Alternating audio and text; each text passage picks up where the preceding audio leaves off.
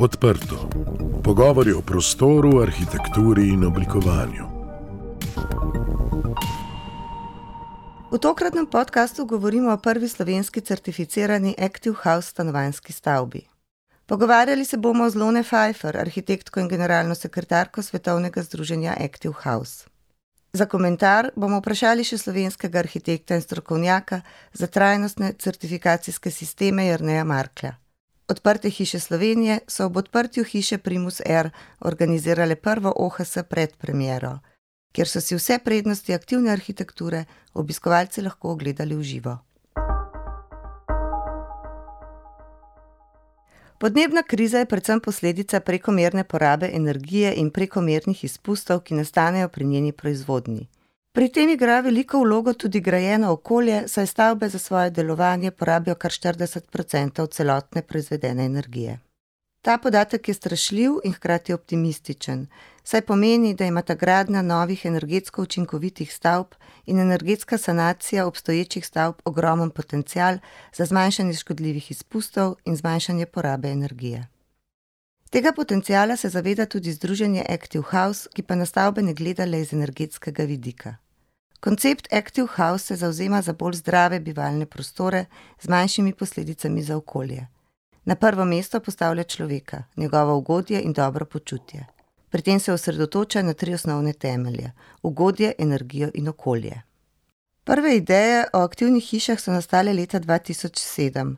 Leta 2011 je bila ustanovljena neprofitna organizacija Active House Alliance, ki tudi podeljuje certifikate Active House. Od takrat naprej je bilo zgrajenih že več kot 100 aktivnih hiš. Takšna hiša stoji tudi v Dragomlju pri Domžalah.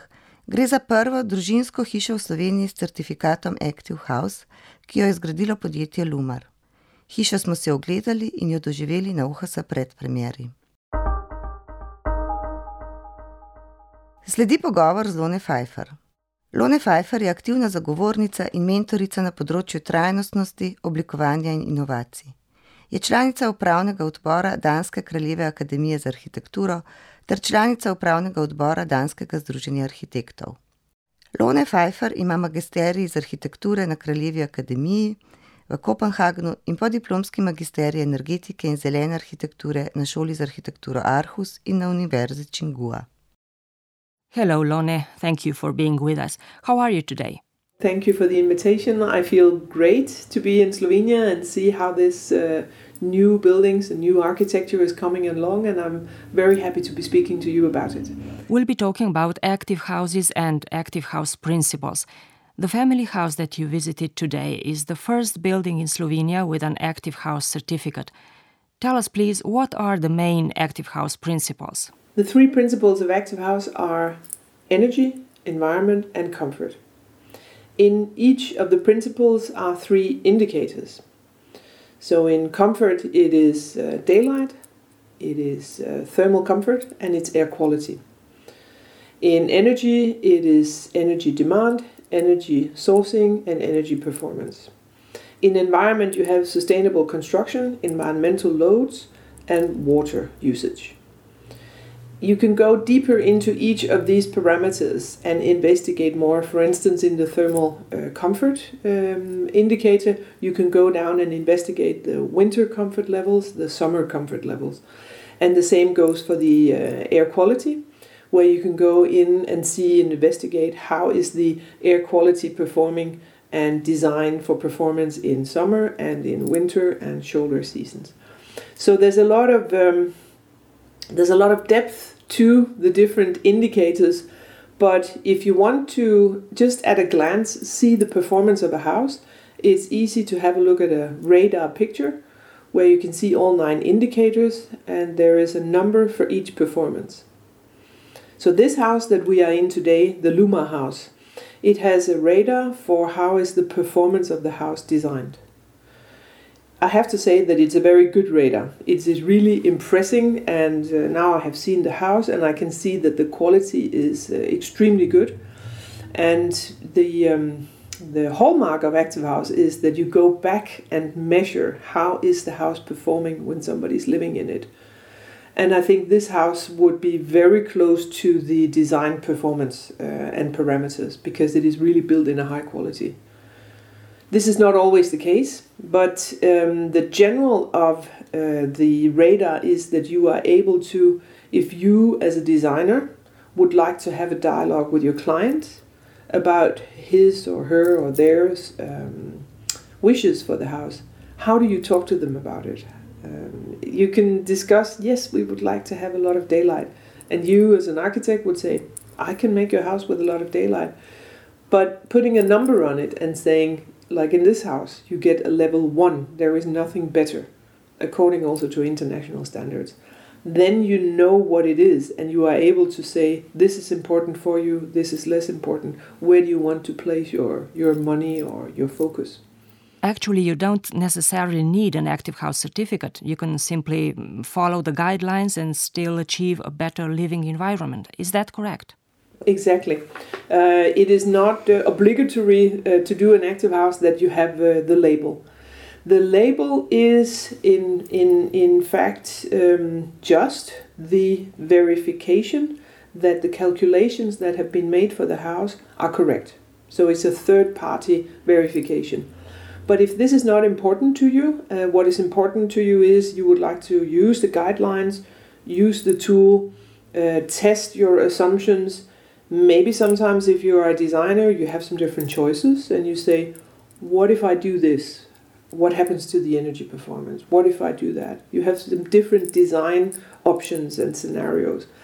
And the radar tool is very good for this because you are able to say, um, put up some different scenarios next to each other and then you have the opportunity to do informed design decisions, which is very important not only for clients but in particular for architects.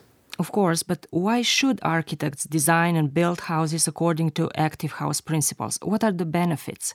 I mean, the benefits that are different from other sustainable methods. Because the clients, as well as architects, sometimes have our own ideas about the aspect and performance of the house. What is the most important part of the active house principles? I think uh, the uh, probably most important factor is that you include um, a design decision, uh, a design uh, concerns in the concept which are orientated towards the human senses. That is the most important thing in any building it is also sometimes what is mainly forgotten because houses can be judged from how they look from the outside, or they can be judged only by the cost, or only by the energy performance, or these three parameters. And that's where the active house um, comfort uh, dimension is important because the energy and environment, yes, you have to have it. It's hygiene parameters, you have to have your house in order right leg, left leg. But the human senses is what matters to you the daylight, the thermal comfort, the air quality, the acoustics. That is when you are inside the house. And if any of those parameters are not considered into the design, um, you will fall short. You will, if it's a living house, it will maybe not support you the best way for how your sleep quality is or how your kids' uh, health is and how actually um, your life is is lived. So if this matters to you as a designer or as a homeowner, you were asking it as a homeowner, I would always recommend that you remember to take these things into consideration and you should not accept someone saying, yes, yes, the daylight is fine. Yes, yes, the air quality is fine. Okay, but give me a number because it is just as important as the taxes and the energy bill and the postal code and it is possible to to calculate it. So I think we need to have a lot more respect around these uh, issues. Most of Slovenian investors are aware of energy efficiency, especially when they apply for subsidies from the Eco Fund for building almost zero energy houses. What makes Active House different from all these energy orientated principles known as passive house and zero energy, etc.? the um, I heard about the subsidies in uh, Slovenia and uh, understood a little bit about how they are designed, and I have to say that I'm very impressed. I think you have some very good subsidy systems. Um, which enables you to build houses in a, in a high quality, which I think is uh, really remarkable. Um, so I have to commend um, this uh, construction in, in Slovenia and also the house builder behind the Lumar house is uh, is a very good one. The um, the energy uh, efficiency numbers which are in the regulations and which are stimulated by the regulations is a must. It has to be there. Obviously, we have to to to have good measures when we build houses or, or modernize uh, existing houses. Um, so you have to have that in place. But also, I have to say this is something where we are aware since 40 years, maybe 70s, 80s. Back to the oil crisis, we are aware that this is important parameters. And the passive house uh, was uh, conceived during the late 70s when the nuclear protests were very high. Um, so some somebody in the protest movement did not want the external energy to be of nuclear, so they developed a concept where they didn't have to have any external energy. So the passive house is an extremely good concept for autonomous houses, houses that don't need energy from externally and it has developed some very good tools and was done by some very good engineers and also architects. I have a lot of respect for it. At the same time, we have to say that we are able to calculate these houses and design them and construct them. And we must not forget the comfort aspects, the, the human and the users. And these components have to be in level. And today maybe the um, today maybe the users are not so much in focus in the energy efficiency measures um, because the houses are not uh, actually, uh, nobody knows how they are performing in real life. There is no connection between the, the, um, uh, the specifications and the regulations and how the houses actually work. So we have to reconnect this, and the active house is trying to do exactly that to be the next generation after passive house respect all the good work, include all the good tools, energy efficiency, and then to have the balance between the comfort parameters. Can these guidelines be applied in retrofitting and renovations of buildings? Definitely. Um, we have a concept uh, developed called RenoVactive. Uh, and it was developed uh, for social housing project in uh, Brussels. And now, uh, two weeks ago, the first RenoVactive house opened in Slovakia so not too far from here. Um, an, an, existing family house in a very bad condition where a family would like to renovate, modernize, contemporize their house. And they have used the uh, active house principles to, to upgrade and uh, make a modern house which is suitable for them with good comfort and good energy. One of the biggest critical issues of our time is the climate change. To address this challenge, the Paris Agreement has been adopted almost worldwide, and many countries already have or are working on their climate policies. How are active houses helping to achieve the goals of the Paris Agreement, and how big of an impact could they have on reaching those aims? The climate crisis is, um, without a shade of doubt, uh, the biggest uh, challenge uh, that we have to resolve. Um, buildings play a huge part in our uh, climate footprint. 40, some say 50% uh, is actually uh, consumed uh, by buildings. So we have a big obligation as a profession, in my opinion, to, to take this up as a challenge. At the same time, you can say there's also a huge potential that we offer solutions, that we seek suggestions and concepts and designs um, which are able to contribute to a solution. For the active house, what we try to do is to, you can say, we try to make it um, less rocket science. we try to make it more uh, straightforward. The tool, the radar tool, is is a tool where um, a designer, an architect, an engineer can have a discussion with a layperson who could be a big client. Um, I have talked to big investors.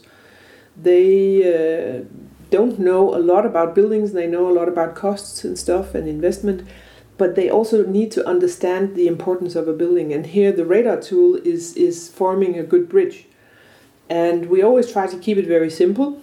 And some of the other systems say you are too simple, you are too basic. They are probably right because if you take out uh, the German system, DGNB, the American LEED, uh, UK BREEAM, they have much, much more to offer, much more complex. You get a lot more documentation and information. At the same time, I have to point out that they are for profit systems. The Active House is a not for profit. Uh, nobody makes money on a system or a classification of an active house. Uh, the alliance is only there to offer the tools and the education.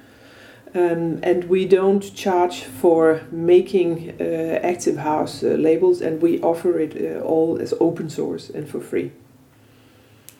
We try to contribute to the uh, climate crisis in, in offering solutions actually to people working professionally who can then again offer it in their agency.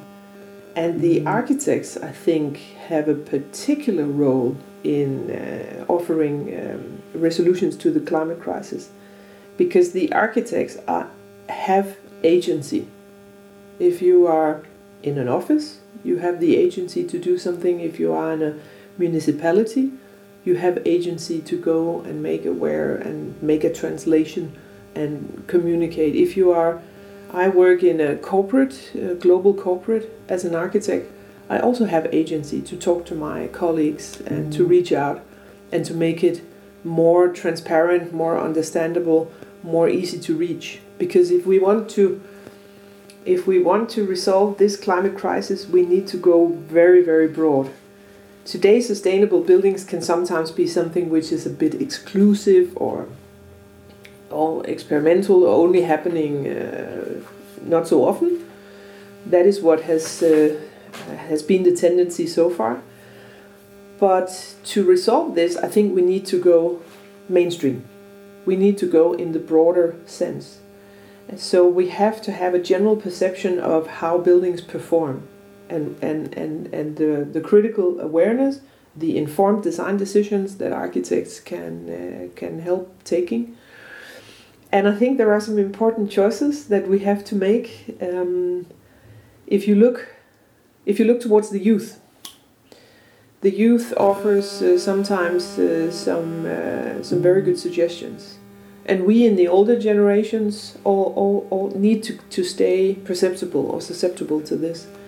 And right now i can see two tendencies. I can see the um, i can see the teenagers in the shopping centers.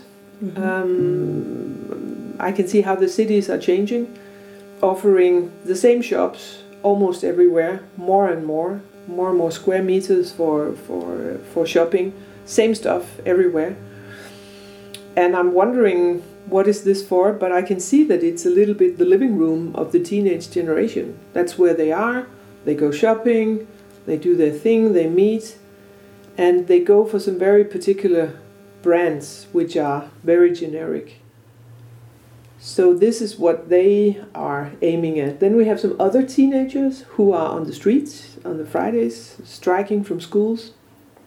Greta Thunberg from uh, from Sweden, who's now in the UN this week, speaking to um, well all the decision makers and making herself uh, her voice heard. So the question is if we, um, we which direction are we taking? if you look at houses like you pe- people tend to look at cars cars are very important to people hmm?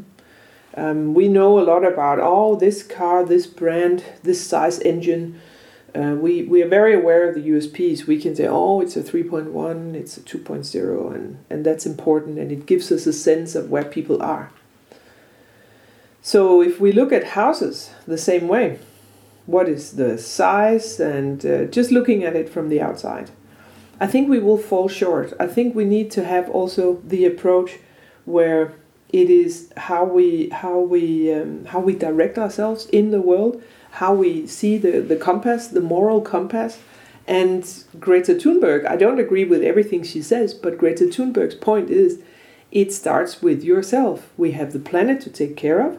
So that is the the foundation we are standing on, but also it's about you and the choices that you do as a person. So start with yourself, and maybe sometimes you need to start from within. Lone, you come from Denmark. How is this care of humans in the built environment addressed in your country?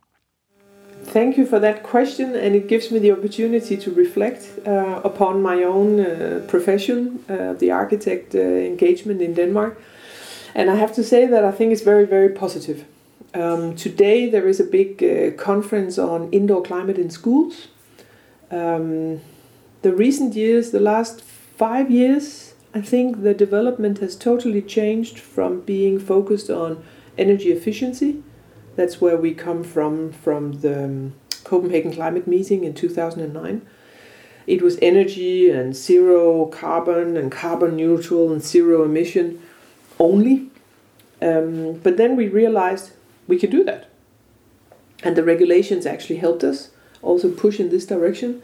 So I think there was a strong conviction, helped by many actors in the civil society, many good people working in this direction, uh, towards the uh, healthy buildings um, movement or the, the direction. And today, I think we have a very general awareness that this is what uh, this is what matters, and we are getting more and more tools, and we are trying to influence the new the levels uh, from the EU. We are working uh, alongside that to try and secure that we have the focus on materials and health and well-being, um, and making it more and more concrete. We are not there yet, I have to say. We are still uh, on, on a path. But if you consider that we started working with the energy efficiency in buildings in the 1970s, maybe mid 70s, we have a long way to go. We are starting, but yeah. I think it's on a good path. And I think the general global community working on sustainable buildings also has a quite a large focus on this in the architects side. I'm more concerned about the engineers. By the way, do you live in an active house yourself? I live in a building uh, by um, an apartment building by the famous Danish architect Arne Jacobsen, which he built in 1953. He designed it in 1948. He built it in 53. Um, and uh, I'm very happy to be there. It's yellow brick, and uh, the layout in my apartment is totally original um, and it really fits our purposes perfectly. Um, and we have we measure the indoor climate, and it is uh, functioning very well. You can take the air through the apartment. You have access to the outside. Very low energy costs. So even if there is no renovation done, it's uh, actually uh, still from 1953 a very good uh, design.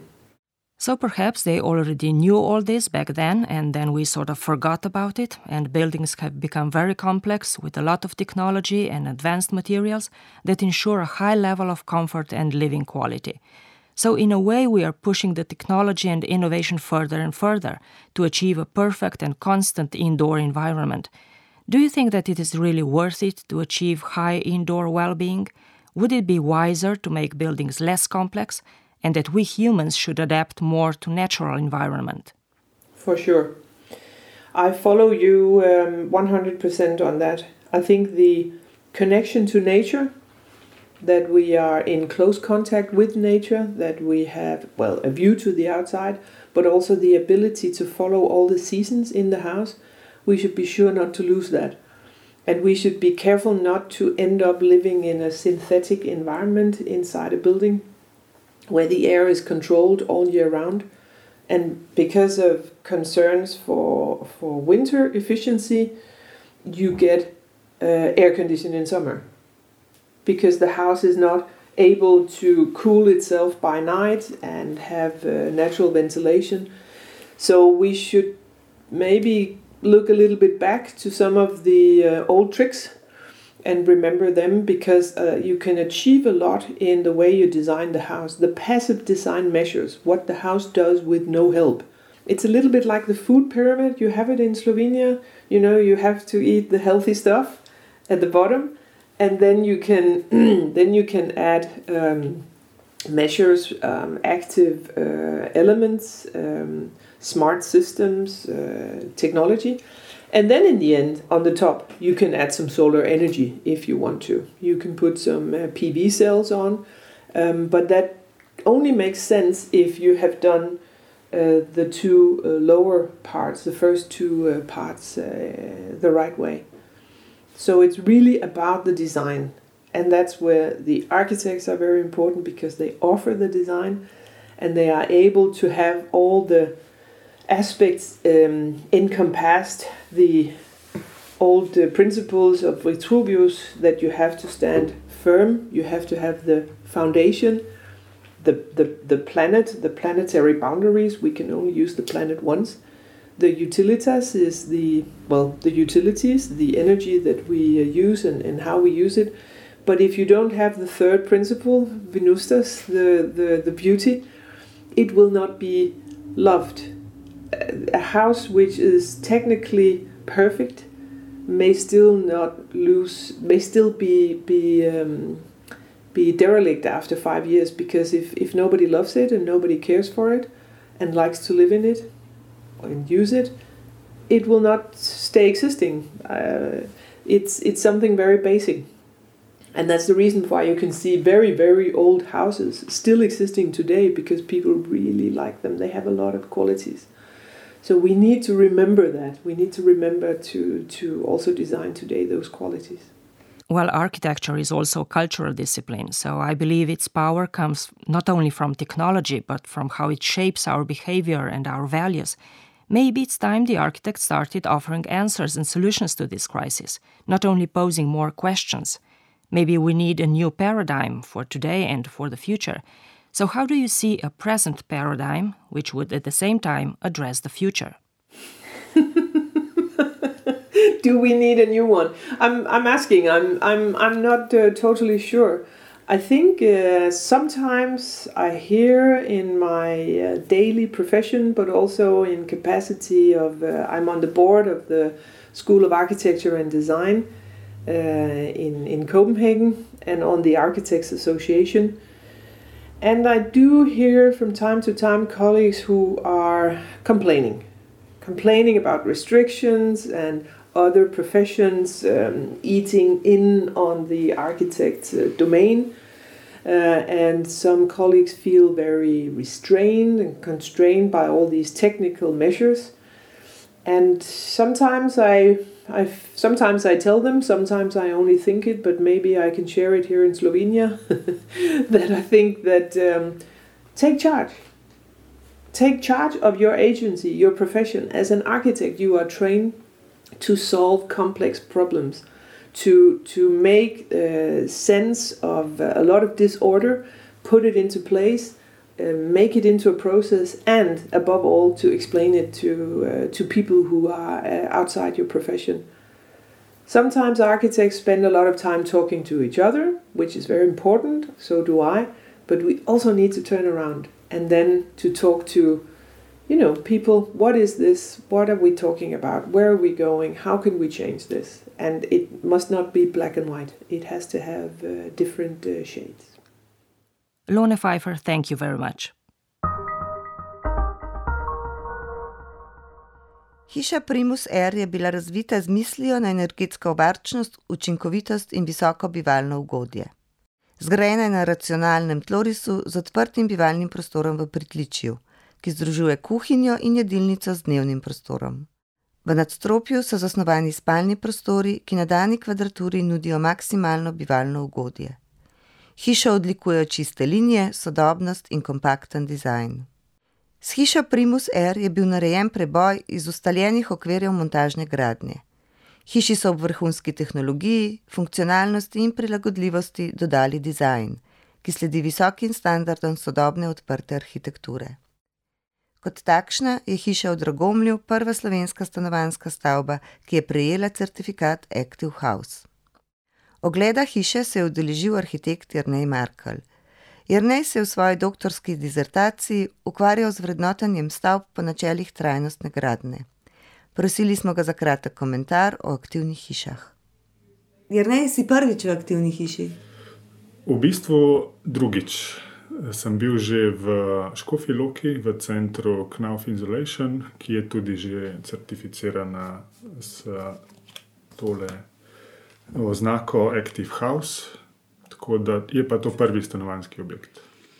Glede na to, da se ukvarjaš z vrednotenjem trajnostnosti stavb, uh, kako bi ti vrednotil princip Active House, tako za stanovanske kot poslovne stavbe? Active House je metodologija, ki jo je razvil Velux za ocenjevanje trajnostnosti stavb. Pridružili so se tudi drugi zunani partnerji in se povezali v mrežo Active House Alliance. Prednost uh, te metodologije je v tem, da jo lahko uporabljajo tudi po drugih državah, ni omejena na, na, uh, na državo, kot je pri večini ostalih metodologij, zaradi česar lahko hiše tudi medsebojno primerjamo. Hišo v Sloveniji s hišo na Danskem ali v Španiji in pri, primerjamo njene prednosti in slabosti. Um, kot največjo um, prednost vidim pa pri metodologiji Active House to, da so kriteriji zelo jasno postavljeni, jih ni veliko. Se pravi, na nek način so izbrali tiste ključne kriterije, ki govorijo o bivalnem ugodju, o čim manjšem obremenjevanju okolja in čim večjem zadovoljstvu uporabnikov. Tako da, če poenostavljeno rečem, Active House omogoča na dokaj enostaven način vrednotenje kvalitet hiše z vidika bivalnega ugodja in z vidika čim manjšega obremenjevanja okolja. Stavbe postajajo vedno bolj kompleksnejše tehnološke združbe. Uh, kje vidiš, da ostaja še prostor za arhitekturo? Ker arhitektura, poleg uh, tega, da je funkcionalna in da je trdna, uh, naj bi zadovoljila tisto tudi najpomembnejšo uh, kategorijo in to je, da nas čustveno navdihuje in da nam vzbuja občutek lepega in navdihujočega. Če bi pogledali kriterije Active House, bi videli, da je velik poudarek na uh, kakovosti za uporabnike, bivalnemu ugodju. Zelo poudarjajo kakovost naravne osvetlitve v prostorih, kar se zelo dobro povezuje tudi z na nek način arhitekturno kvaliteto in izzivi, ki jih imajo arhitekti pri ustvarjanju kvalitetnih stavb in prostorov. Mm, nekoliko je tukaj za arhitekturno svobodo omejujoča, omejujoč razmislek oziroma preveritev vplivov na okolje. Ampak ti kriteriji na nek način služijo kot izhodišče, kot smernice za načrtovanje arhitektom.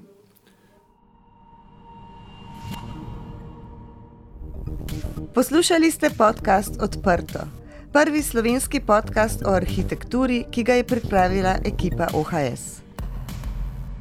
Za akustično ugodje je skrbel studio Sonolab. Odprte hiše Slovenije se zauzemajo za dobro arhitekturo, ki je namenjena vsem ljudem. Prisluhnite nam vsakič, ko boste v prostoru želeli izvedeti več.